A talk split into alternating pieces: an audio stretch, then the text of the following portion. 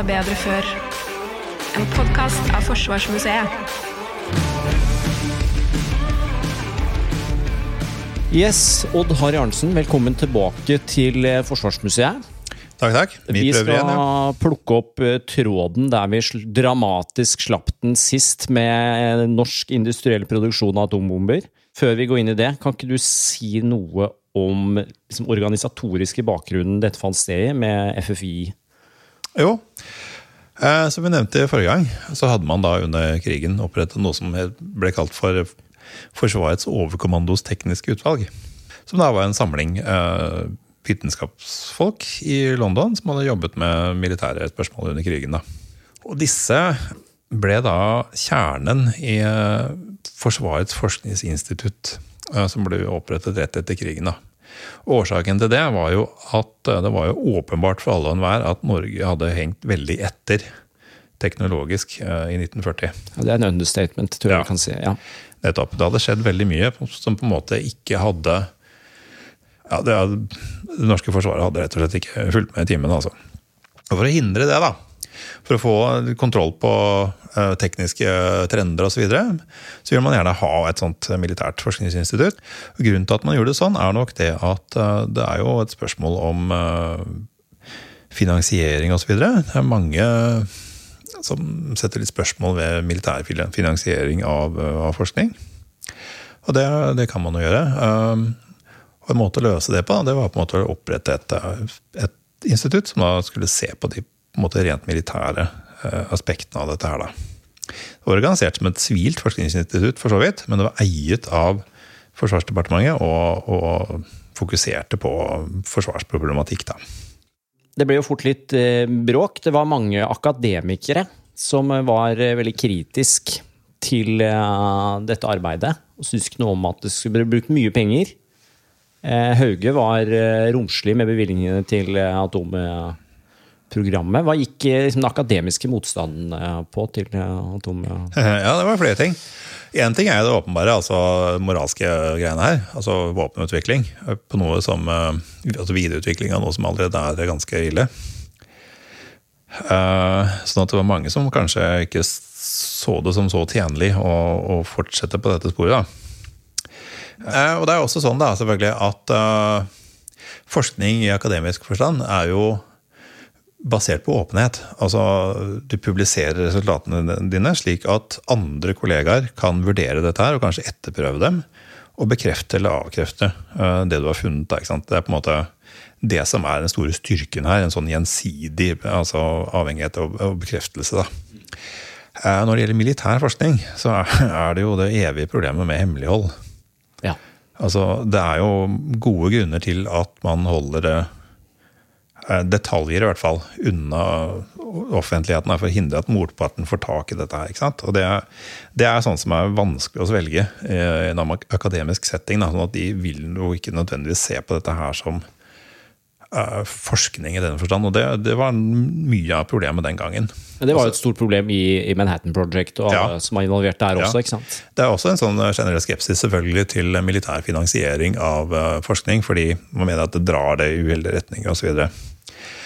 Og det var jo da eh, høyst sannsynligvis grunnen til at man opprettet et eget uh, institutt altså for uh, militære spørsmål i Norge. Da. Sånn at de på en måte kunne ta det der da, og se på det. altså Ting som på en måte måtte holdes litt hemmelig osv.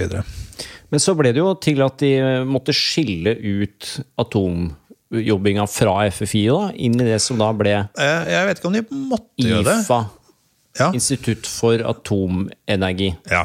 Ikke, kom ikke det i kjølvannet av den eh, motstanden de fikk? Jo, men jeg tror ikke nødvendigvis de var uenig i det selv. Fordi allerede i de første tingene Randers skriver, så tar han opp dette spørsmålet om det egentlig, dette egentlig er et militært eller sivilt spørsmål. Men da har vi eh, det organisatoriske kartet litt eh, på plass, og da kan vi jo returnere tilbake til der vi sluttet, med Hauge som ville ha industriell produksjon. Han ga mye penger. Eh, Randers og Dahl har jo selv sagt at eh, det ikke hadde blitt noe norsk atomprogram. Hadde ikke vært for støtten de fikk både politisk og, og økonomisk fra nettopp eh, Hauge. da. Hva er det Hauge så i atomprogrammet og det ønsket om å, å lage norske atomvåpen? Ja, her er vi inne på noe veldig vesentlig. I dag så vet vi jo mye om kjernevåpen og, og langtidsvirkninger av det osv. Um, den gangen så, så de jo dette her først og fremst som et uh, militært virkemiddel som uh, ville bli veldig viktig i fremtiden. Det hadde altså hatt en avgjørende betydning for slutten av andre verdenskrig. Og de antok at uh, det ville få en voldsom betydning i kommende kriger. Og Det gjør jo at det også for Norge ville være veldig interessant. Altså, et av spørsmålene Randers tidlig tar opp, det er jo dette med forsvar mot atomvåpen. Hvordan beskytter du deg mot dette her? Og da er det en del ting han, han uh, ramser opp. Det ene er luftvern. Nedskyting av innkommende bombefly eller missiler. Og det, det holdt ikke med den, for den gangen så var uh, på en måte ambisjonene i Luftforsvaret, det var jo det at uh, 10 er bedre enn ikke noe. Altså, hvis du klarer å treffe hvert tiende fly, så har du oppnådd noe. Og det var nærmest for å irritere dem, altså for å sørge for at bombeflyene ikke klarte å operere i ro, f.eks. Uh, distrahere dem rett og slett når de var på vei innover for å slippe bomber osv. Det er åpenbart ikke godt nok så lenge uh, det holder at ett eneste fly kommer gjennom. Så det, det, det var ikke en vei å gå. Og så sier han det at uh, og dette er litt interessant, for det er nok kanskje en faktor som har spilt inn på norsk distriktspolitikk, uten at noen egentlig har diskutert det veldig mye. Men det er dette med å spre funksjoner. Ja. Spre kritisk infrastruktur og spre regjeringsfunksjoner osv. Så videre, sånn at ikke alt blir slått ut av en bombe. Det er derfor man har lagt så mye til Mo i Rana. For eksempel, Ja. antagelig? Men det er sånn som man holder på med hele siden krigen. altså Få ting ut av Oslo-gryta, ut av de store byene. Og distribuere dette rundt omkring i Norge, sånn at måte landet blir som helhet blir mer robust. da, ikke sant? Det er jo smart. Uh, men så konkluderer altså Randers uh, med en ganske berømt setning, hvor han sier at det eneste virkelige forsvar mot uh, atombomben, det er å ha en selv. Ja. Altså, sånn han tenkte da, det var jo det at det var avskrekking som var greia her. At man måtte hindre fiendtlige angrep ved øh, å ha en reell mulighet for å slå tilbake på samme måte. Uh, og det er, det er, nok det som er uh, veldig mye av motivasjonen bak um, dette tidlige arbeidet med atomvåpen. Nettopp for å på en måte gjøre seg mindre sårbar ved å kunne ta igjen. Men da er det snakk om altså det vi i forrige episode kalte strategiske atomvåpen. Ja. Altså svære Ja. bomber Ja, som er at, ja, typ det man har noe sånn.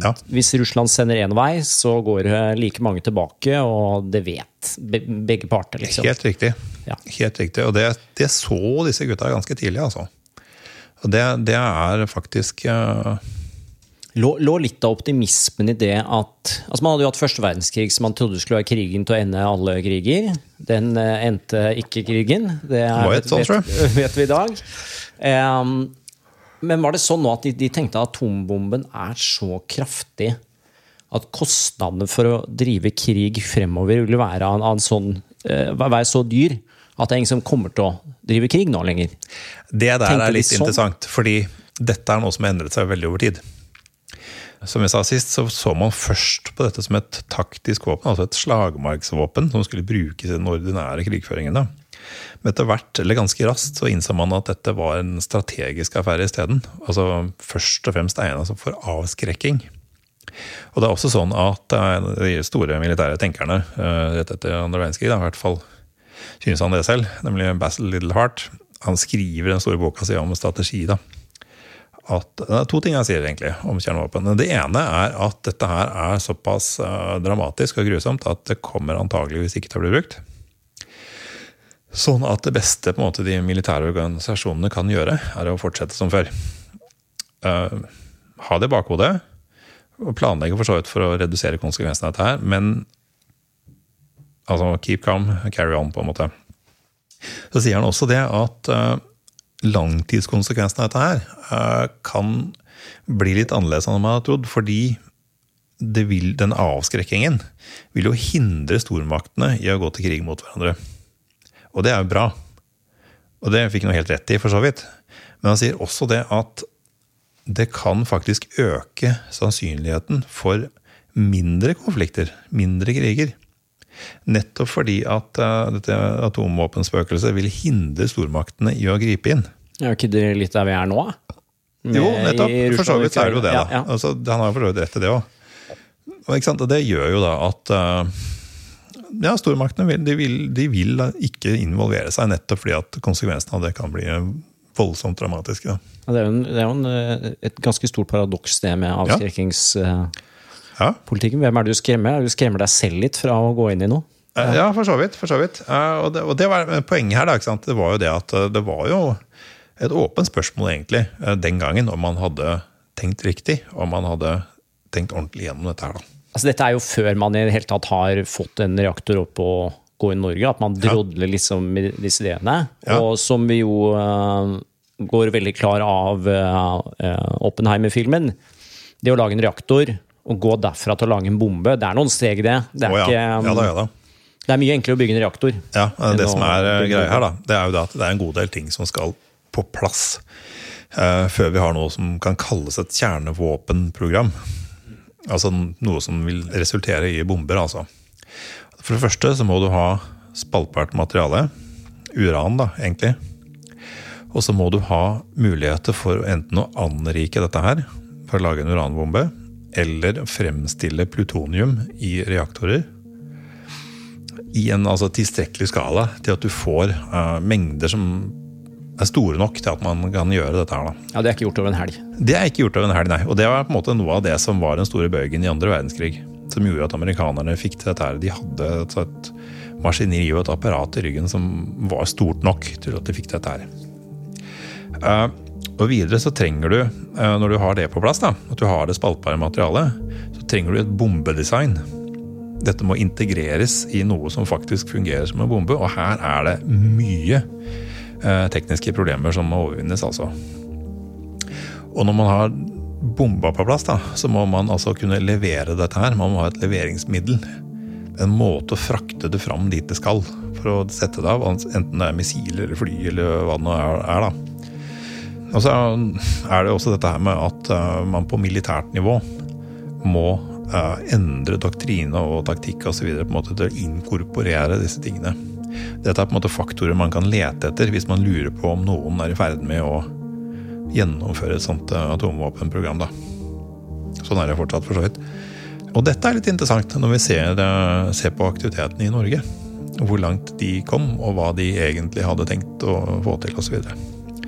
Og det vet man ganske mye om, faktisk. Fordi eh, denne uttalelsen fra, fra Hauge da, til Stortinget, den bygget jo på eh, altså dokumenter fra eh, Randers og co., eh, fra FFI, altså. Hvor han på en måte argumenterer for hvordan man bør gjøre dette her, osv. Og, og så er det sånn at eh, svaret på om Norge egentlig hadde et atomvåpenprogram, eh, det er både ja og nei. Det er helt avhengig av hvem du ville spurt den gangen, altså.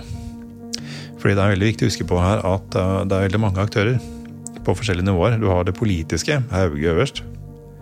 Hauge var nok uh, ut ifra en sånn generell eh, argumentasjon som vi har diskutert nå, eh, av den oppfatningen at eh, det hadde nok vært gunstig for Norge om vi har mulighet på sikt til å i hvert fall framstå som om vi er i stand til å få fram dette her.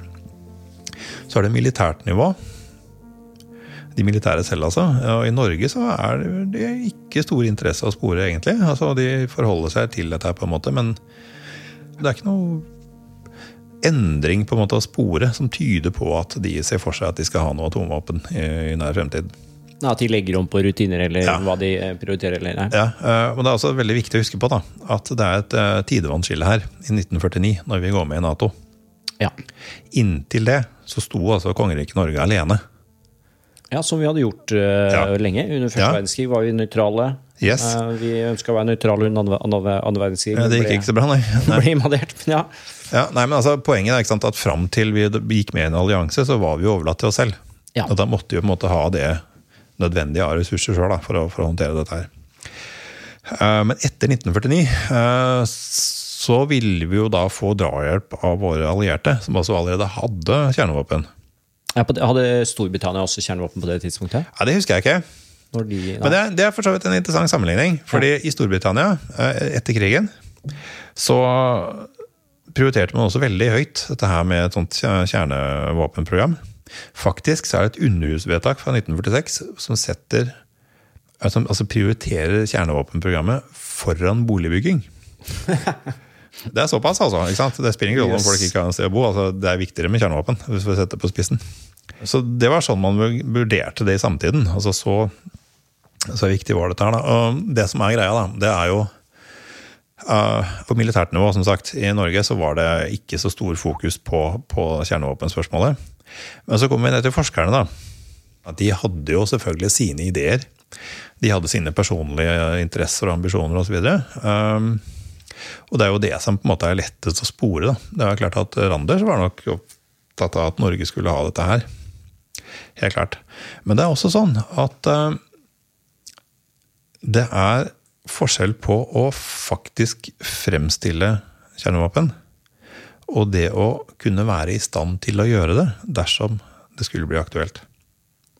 Og jeg tror det er litt der vi er. Det de først og fremst eh, arbeidet for, det var å gjøre Norge i stand til, dersom det skulle bli nødvendig, å ta fram kjernevåpen. Vi måtte følge med på den tekniske utviklingen, vi måtte forstå hvordan dette fungerte. Og det er to årsaker. Eh, både for å kunne eh, lage noe sånt selv ved behov, men også for å kunne beskytte oss mot det. Du må vite hva du skal beskytte deg mot for å gjøre dette her på en mest mulig kosteffektiv måte. Da. Ja. Så når Hauge sier at han skal se på mulighetene for en norsk eh, produksjon, så i det tenk å legge liksom at dette skal vi gjøre nå. Nei, vi vil ha nettopp. industriell produksjon. Det er mer ja. enn sånn. I Sverige interessant nok, så er dette mye mer uttalt. Eh, det som kalles den svenske linjen. Da. Eh, og det, der var det jo egentlig politisk konsensus for å ikke bestemme seg for hvorvidt de skulle uh, lage kjernevåpen eller ikke. Men de skulle sørge for at de var i stand til det dersom det ble aktuelt. Han nevner jo Sverige i den setningen, sier han jo norsk eller ja. potensielt svensk. Ja, ja, ja. ja det er at de hadde snakket sammen, da. Ja, det gjorde de. Uh, og det var, et, det var, mye samarbeid mellom Sverige og, og Norge, altså når det gjaldt dette her til å begynne med. Ja, for dette er jo før Nato, ja, så de var jo potensielt en skandinavisk eh, ja, det, forsvarsunion, om du vil? Eller? Det var et reelt, reelt alternativ, ja. Mm. Og det er klart at det, rent kulturelt sett og så, videre, så er det jo mye enklere å snakke med svenskene enn uh, veldig mange andre. Uh, Sånn at vi hadde jo felles interesser, og felles uh, utfylte hverandre til en viss grad også. Sverige hadde mye uran, vi hadde tungtvann osv. Byttehandel. Jeg vil bare minne om at det på lørdager og søndager er mulig å besøke Forsvarets flysamling på Gardermoen. Med sine mange utstilte jagerfly er det en skjult perle både for barn og voksne. Forsvarets flysamling der, altså. Tilbake til episoden. Fra politisk hold så har vi ikke funnet så mye. Nei. At det var liksom bestilt uh, utover at Hauge foreslo det et sted i 46 for Stortinget. Så er det liksom ikke sånn at vi har norske politikere som har sagt eh, her er penger, gjør dette, vi vil ha det. Men du har gravd fram et litt interessant eh, dokument fra FFI. Ja. Hvor dere gærne, gærne professorene der borte har sittet og lekt litt med hva man skulle med kjernevåpen. Ja da, det er riktig. Hva er eh, interessante funn fra den, den det, rapporten? Det det går på, da, det er jo altså forberedelsene til å lage disse atomreaktorene. Um, det er vel fra 1947, dette, dette, dokumentet. Og det er på en måte en slags eh, plan for aktiviteter videre, gitt at dette blir finansiert. Da. Dette var antagelig noe som skulle opp til politisk nivå for debatt i Stortinget osv. Og, og det man uh, gjør der, er å kort uh, redegjøre for konsekvensene av kjernevåpen i krig. Altså som vi akkurat har snakket om. Da. Og kjerneenergi, altså de antok en hel masse ting rundt 1946-1947. Og én ting de antok, det var jo det at i denne prosessen med å gjenoppbygge Norge etter eh, krigen, hvor man så for seg at man skulle ha en mye større grad av industrialisering osv., så, videre, så ville man trenge veldig mye elektrisk kraft. Faktisk så mye at man på sikt ikke ville kunne dekke det med vannkraft. Og da mente de jo at eh, kjernekraft kunne være et godt alternativ. De mente det var bedre enn olje og kull eksempel, på lang sikt. da. Ja, For det ville jo ta slutt? Ja, ja, ja. Det var mye mer begrenset ressurs, da. Og man visste, Dette er jo selvfølgelig lenge før man visste om oljeforekomstene og sånn Ja, i ja, Norge. absolutt. Ja. Absolutt. Så ut ifra forutsetningen den gang, så var det for så vidt ikke så dumt tenkt, det de skrev. Um, og de ser på dette her med isotopproduksjon, altså for medisinske formål, for forskning, for uh, metallurgi osv. Um, men det trekker også fram det militære aspektet. Og det er i første rekke altså plutoniumproduksjon. Det er det som er på en måte den militære vinklingen her. Og det er til bruk i bomber. Ja, Ja. det stemmer. Eh, Det er jo sånn da at eh, under dette berømte besøket hos eh, general Groves i 1946, så sier jo general Groves at det er veldig lite sannsynlig at noen andre i nærmeste fremtid kommer til å skaffe seg atombomber, fordi det kreves en sånn enorm organisasjon. Eh, Men Randers mener da at ja, men det er fordi Groves er opptatt av sin egen uh, rolle i dette, her, nemlig denne organisasjonen. Det går an å gjøre dette veldig mye rimeligere, mener, mener Randers. Da. Og det er helt riktig. Det er helt korrekt. Altså, de hadde svidd av millioner av milliarder av dollar holdt jeg på å si, i USA for å få fram dette her. Eh, Men veldig mye av det var strengt tatt ikke nødvendig. I etterpåklokskapens nådeløse lys så var det masse unødvendige utgifter. Ja. Hvis man faktisk visste hvordan dette skulle gjøres, så ville det jo være mye enklere. Man kunne bruke en tungtvannsreaktor og lage, fremstille plutonium. Og eh, fra uran som egentlig ikke trenger å, trengs å anrikes noe særlig osv. For amerikanerne brukte ikke tungtvann. Nei, Nei. det gjorde det ikke. Men Randers mente at dette kunne gjøres veldig mye enklere hvis du hadde litt mer tid til rådighet osv. Og det var på en måte eh, ambisjonen. Eh, Som vi snakket om tidligere, disse andre tingene man trenger for å ha et egentlig atomvåpenprogram, dette med bombedesign osv., det er fullstendig fraværende. Og de snakker ikke om det i denne rapporten. Jo, han gjør det. Han sier at ja, det trengs eh, et bombedesign, men han aner ikke hvordan dette skal gjøres. egentlig. Han sier at dette vil nok bli teknisk vanskelig, Ja. men dette vil nok kunne løses. Sånn at det de egentlig holder på med, det er å forberede grunnen for et atomvåpenprogram, da, egentlig. Men de kom altså så langt at de, de laget uh, plutonium. Det gjorde de. Gjorde de det? Ja da. På Kjeller? Uh, ja. Um, det var jo sånn da at i uh, 1951, var det vel, så åpnet den første eh, reaktoren på Kjeller. Jeep. Jeep 1? Ja. Og det at den heter Jeep 1, det indikerer jo at det finnes også en Jeep 2. Er det ikke en 3 òg? jo da, det er, flere ja. reaktorer, uh, eh, men det ble også vært opp etter hvert en reaktor i Halden. Uh, 1958 var vel det. Og den er egentlig bedre egnet for å fremstille plutonium. Eh, og det er da sånn at ja, ja, den kan det, eh, men i veldig veldig små mengder. altså. Dette er, dette er forskningsreaktorer. Dette er ikke egentlig beregnet for noen slags industriell produksjon av noe som helst. sånn sett.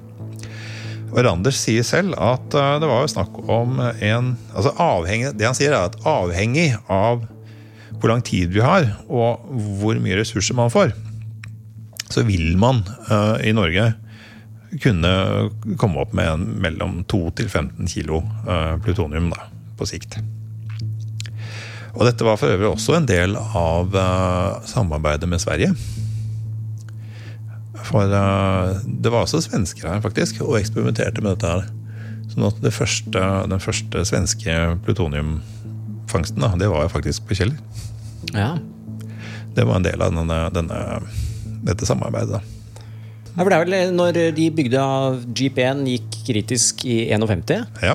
Det var vel første reaktoren utenom stormaktene og Canada som gikk kritisk. Men Canada hadde vel hatt folk i Manhattan Project? Ja. ja, ja. Så eh, var Norge, også Sovjet selvfølgelig, fikk jo lekket ting fra Manhattan Project eh, av flere spioner. Så de fikk, Var Frankrike med Manhattan Project? Nei, det tror jeg ikke. Altså, Nei, de, de- som var med i ja. Manhattan-prosjektet, altså, da må vi huske på at dette var eh, veldig hemmelig. altså. Ja. Der var det uh, canadiere, eh, fordi de trengte noe materiale fra Canada. Og det var briter. Fordi eh, de hadde et veldig, veldig ustrakt forskningssamarbeid med, med Storbritannia. Altså når eh, USA gikk med i krigen, så sendte britene alt de hadde av tekniske nyvinninger til Amerika uten, uten noe mer spørsmål. liksom. De fikk en hel masse greier. Eh, sånn at det ble veldig raskt etablert veldig god kontakt da, mellom disse miljøene. Og de, de plukka ut det de mente var de riktige folkene osv. Og, så og det var jo også briter. Så det er klart at Når Norge da gikk kritisk i 51, så er det imponerende. Ja. Gitt at de ikke hadde vært med og hadde hatt den type utveksling av informasjon som britene hadde, eh, hadde, hatt med, ja da, absolutt. absolutt. Med, med USA. da. Ja da. De, de fremsto som litt bråkjekke til tider, selvfølgelig, men altså, de hadde definitivt noe å fare med. altså. De fikk det jo faktisk til. Men det er jo et eller annet eh, litt absurd der med at uh, innen Jepp 1 er ferdig, så har jo Norge allerede blitt medlem av Nato. Og sånn sett har Etter 49 så var liksom Det var ikke noe vits for Norge å skulle produsere egne atomvåpen. Det kommer litt an på hvordan du ser det. Uh, altså, det er jo sånn da, at når man er med i en allianse, så vil man jo gjerne være en interessant alliansepartner også.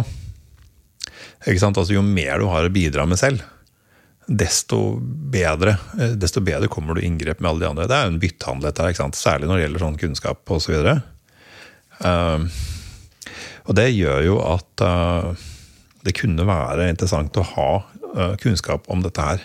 Men vi må huske på at de kom aldri så langt at de skulle lage noen bombe de holder på med denne litt sånn basisforskningen med å fremstille materialer, altså. Og kanskje man på sikt kunne få til litt plutoniumsproduksjon, liksom.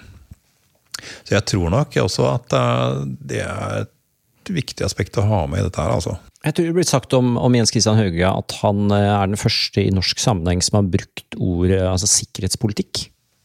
Og det kan intro, introduserte det. Og det kan jo være at han, uten at jeg vet det, at han tenkte i de baner. At dette ja. vil gjøre Norge mer aktuelt for uh, å kunne forhandle da, i allianse. Ja, nettopp. nettopp. Et forhandlingskort. Ja. Men da ble det liksom etter uh, Etter opprettelsen, da, 51, da er det ikke noe norsk atombombeprogram lenger etter det, er det det? Da forsvinner ja, det altså, Ja, Det kommer an på igjen hvem du spør, vil jeg tro. Ja. Jeg vil tro at mange av de som uh, var involvert i dette her, de hadde nok som ambisjon om at man på sikt kunne få til det. da, ikke sant? Men, men det har ikke vært, altså Når Jens Christian Hauge drøfta det i Stortinget ja. Jeg tror ikke det har vært drøfta i Stortinget. Nei. Verken før eller siden eh, nei, uh, nei. at eh, det skal ha, lage norske atombomber. Nei, uh, men det var jo det at det han egentlig snakket om den gangen, det var en ambisjon på sikt å kanskje kunne gjøre det. ikke sant? Å gjøre, bli i stand til å kunne gjøre det. Men det ble jo aldri noe produksjon, og det ble jo aldri tatt noen reell avgjørelse om å sette i gang produksjon, for det, det hadde man jo heller ikke noe, noe grunnlag for. da. Sånn at det er, det er jo to ting her. Én ting er å ha kunnskapen og på en måte forutsetninger. Um, og det andre er å faktisk gjøre det, og det var jo aldri aktuelt, egentlig. Det var jo sånn at eh, IFA, eh, som senere nå heter IFE, når de byttet til eh, energiteknikk fra atomenergi, men ja. de ble jo veldig store. På et tidspunkt så hadde de 500 ansatte og var en av de største eh, forskningsinstitusjonene i landet. Eh, hva drev de med i disse reaktorene? De bygde jo som sagt eh, flere av Jeep-reaktoren. De oppretta reaktor i Halden i 58. Hva, hva, holdt de på med fra dag til dag liksom, i de, de reaktorene? Det var flere ting, selvfølgelig. Det var jo ja, Nå er ikke jeg jo veldig inne i hva de egentlig har eh, hatt av programmer, men det jo, ligger jo litt i dagen at det er jo faktisk veldig viktig at noen i Norge har kompetanse på kjernefysikk og kjernereaktorer ganske enkelt, hvis det blir snakk om å uh, ta noen avgjørelse på om dette er aktuelt for Norge, altså kjernekraft, da, så må man jo ha et, et grunnlag for å ta denne avgjørelsen. Og Sånn sett er det jo veldig nyttig om noen i Norge faktisk har kompetanse på dette her. Faktisk til de grader at de har, de har fingeren borti dette her selv. altså. Sånn at det i seg selv, forskning på reaktorfysikk osv., er, er viktig. Men de har også gjort en del andre ting. De har holdt på med isotopproduksjon, som sagt. Altså for um, forskning og medisin osv. De, har, de har også hatt uh, virksomhet hvor man har nyttiggjort seg radioaktivitet. F.eks. For, for å sterilisere ting. Ja. Alt fra objekter til krydder osv. Ved rett og slett å bestråle det for, for å, på en måte, å fjerne bakterier og småkryp osv.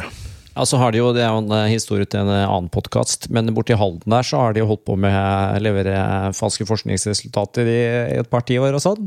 Ja, Det er jo også noe, ja, ja, det Har du lest den saken? jeg har sett saken, ja. Ja. Men det var, det var nok ikke hensikten. Nei, men Det det, um, Jeg husker ikke når det begynte, men det, ja, det er for interesserte. Kan dere google det. Det er Det ble litt eh, alternative måter å finansiere en reaktor på etter hvert i, i, i Halden her. Ok, men vi må konkludere da med at det var, av ulike grunner, mye strategisk, så ble det vurdert å se på muligheten. For kanskje Norge kunne på sikt eh, gjøre noe, men eh, det ble med det. Man lagde reaktor, og så har man lagd leveringssystemer Nei, for eh, atom... eh, nei da, det, er, det er også ganske påfallende i Norge. Altså, hvis, hvis man leter etter et atomprogram. Altså, det er jo som sagt så ikke noe fokus på selve bombedesignet.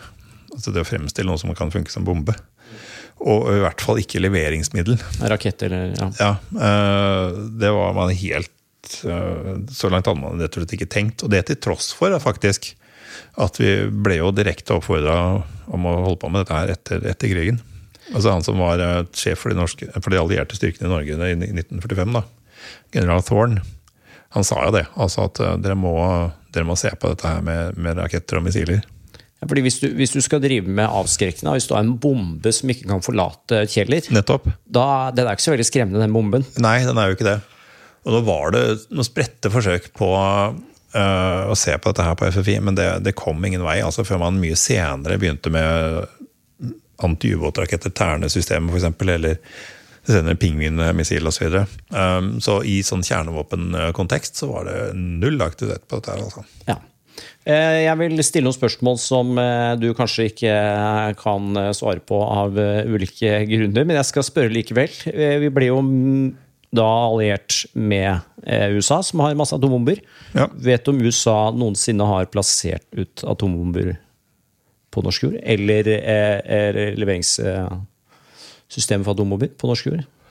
Uh, så vidt jeg vet, så har de aldri utplassert noe kjernevåpen her. Nei. Det tror jeg ikke de har. Uh, men vi har jo for så vidt hatt materiell som har kunnet bære uh, kjernevåpen. Det er ganske enkelt fordi vi har kjøpt amerikanske fly, f.eks. Ja. Og de er jo i utgangspunktet laget for det, da. Uh, men vi har jo ikke hatt bombene. Nei. Men det er de samme, de samme flyene som var Altså, de, de brukes også til konvensjonell bombing, og de kan slippe. Ja, ja, ja, nettopp. nettopp. Det er ikke noen stor forskjell. Nei, og Vi har også hatt noen, eh, vi har også hatt an- litt andre systemer som teoretisk sett kunne bære kjernevåpen. Det har vi. Men uh, Ja. meg bekjent så har det aldri Så vi, vi, har, vi har ikke sånn. atomvåpen i Norge i dag? Nei. Nei. Er vi fordi det er Ruth som er nervøse for atomkrig og sånn, er vi beskyttet av et uh, rakettskjold? Eh, nei. er vi ikke det? Nei, eh, det er vi ikke. Vi har jo litt luftvern. Ja. Eh, men eh, i en sånn eh, ja, Hvis det er sånn strategisk overfall-type scenario, så tror jeg ikke det holder mål, nei. Er det, altså, Det vi beliter oss på nå, det er jo rett og slett kjernefysisk avskrekking fra våre allierte. That's it? Det er først og fremst det, ja. Men har USA rakettshow? Hvis Russland sender eh, atomraketter langt rekkende, skytes de ned på veien? Eh, De påstår det. Ja. Altså Israel for eksempel, har jo et eh, Ja ja ja som er veldig effektivt. Mot mindre ting, i hvert fall. Fra, Ja, nei, altså de, de hevder jo at de har det. Eh, Men vi, er ikke dekket eh, av det. Nei. Nei. Nei, Jeg hadde håpet du skulle komme med gode nyheter her, men det, det var det ikke. Nei, men ikke? Det, det, det dette går på, da, det er jo det er fremdeles den gode, gamle avskrekking, holdt jeg på å si. I den grad det er mulig å si at det er godt. Um, det er jo Nato-alliansen som helhet som på en måte beskytter oss, da. Jeg tenkte vi kunne runde av her med å stille spørsmålet hvor det ble av atomalderen. Fordi vi har vært inne på Ja. den enorme optimismen, alt som skulle leveres.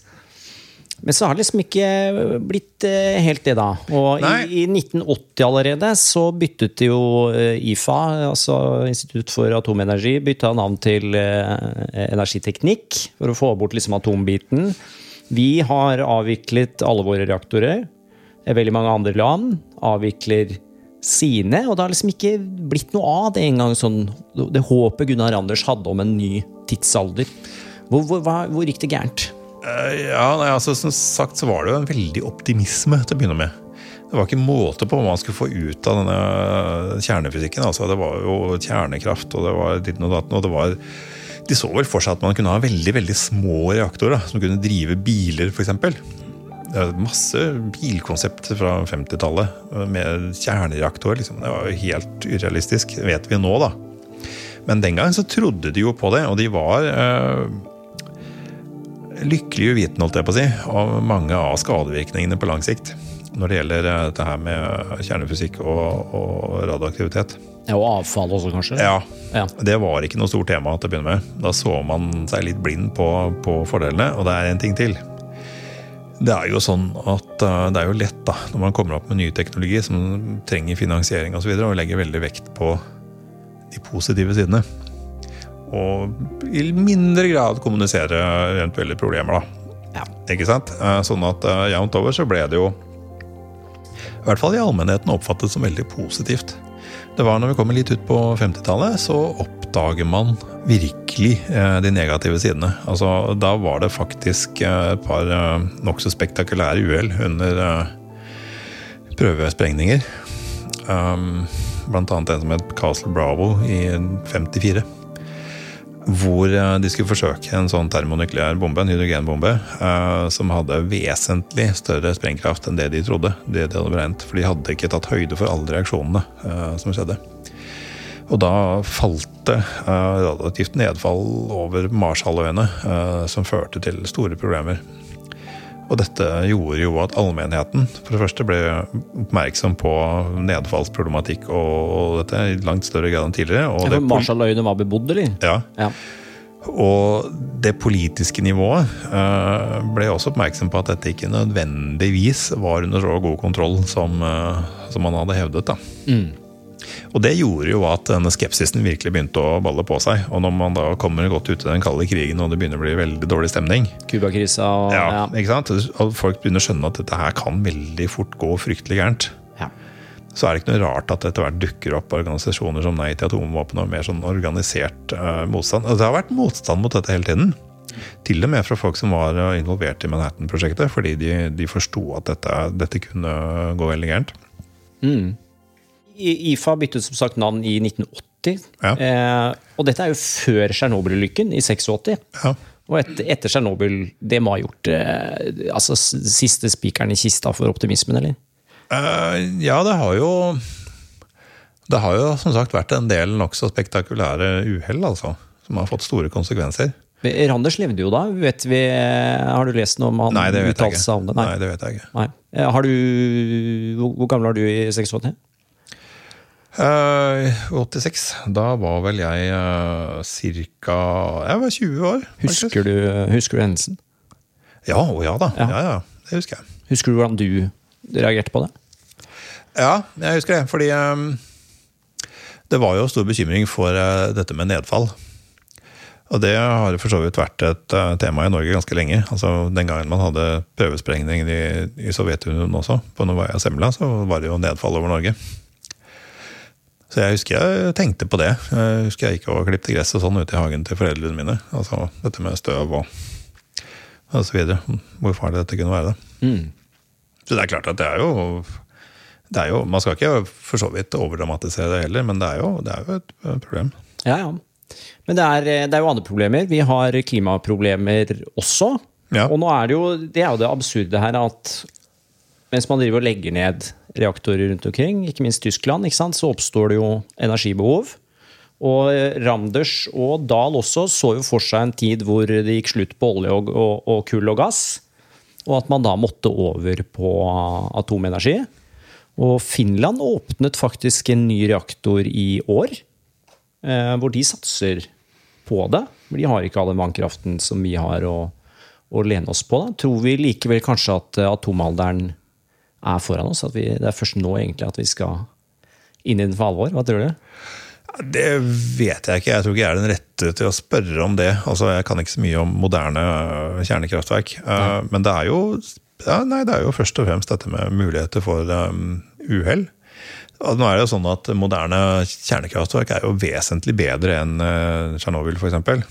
De blir jo bedre og bedre designet sånn sett. Uh, og det, Man står jo igjen med avfallsproblemet, da. Eh, Men det må jo løses på et eller annet vis, og det må faktisk Norge gjøre uansett. For vi har allerede avfall. avfall. Podkasten her heter jo 'Alt var eh, bedre før'. Hva er det med Randers og Dahls historie som eh, forteller oss at eh, det meste tross alt var bedre før? Verden var ikke bedre før, faktisk.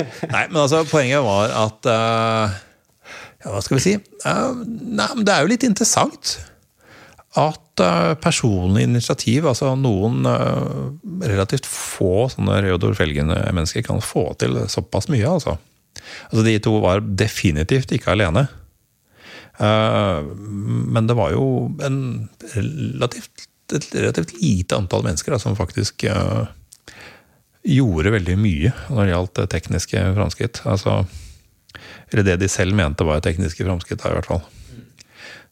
Det fremstår et litt mer tvilsomt lys på, på sikt, men likevel. Jo, jo, men altså, de, de gikk jo kritisk på første Ja, forsøk. ja, ja. Det er jo også uh, en sånn, uh, et sånt ordtak nærmest i forskningsmiljøer da, at det er veldig sjelden det kommer store gjennombrudd fra store miljøer. Det er jo gjerne noen uh, hmm, få dedikerte sjeler som virkelig får til eh, de store tingene. Odd Harre Arnesen, takk for at du kom til Forsvarsmuseet. Takk for at jeg fikk lov å komme. Bare hyggelig.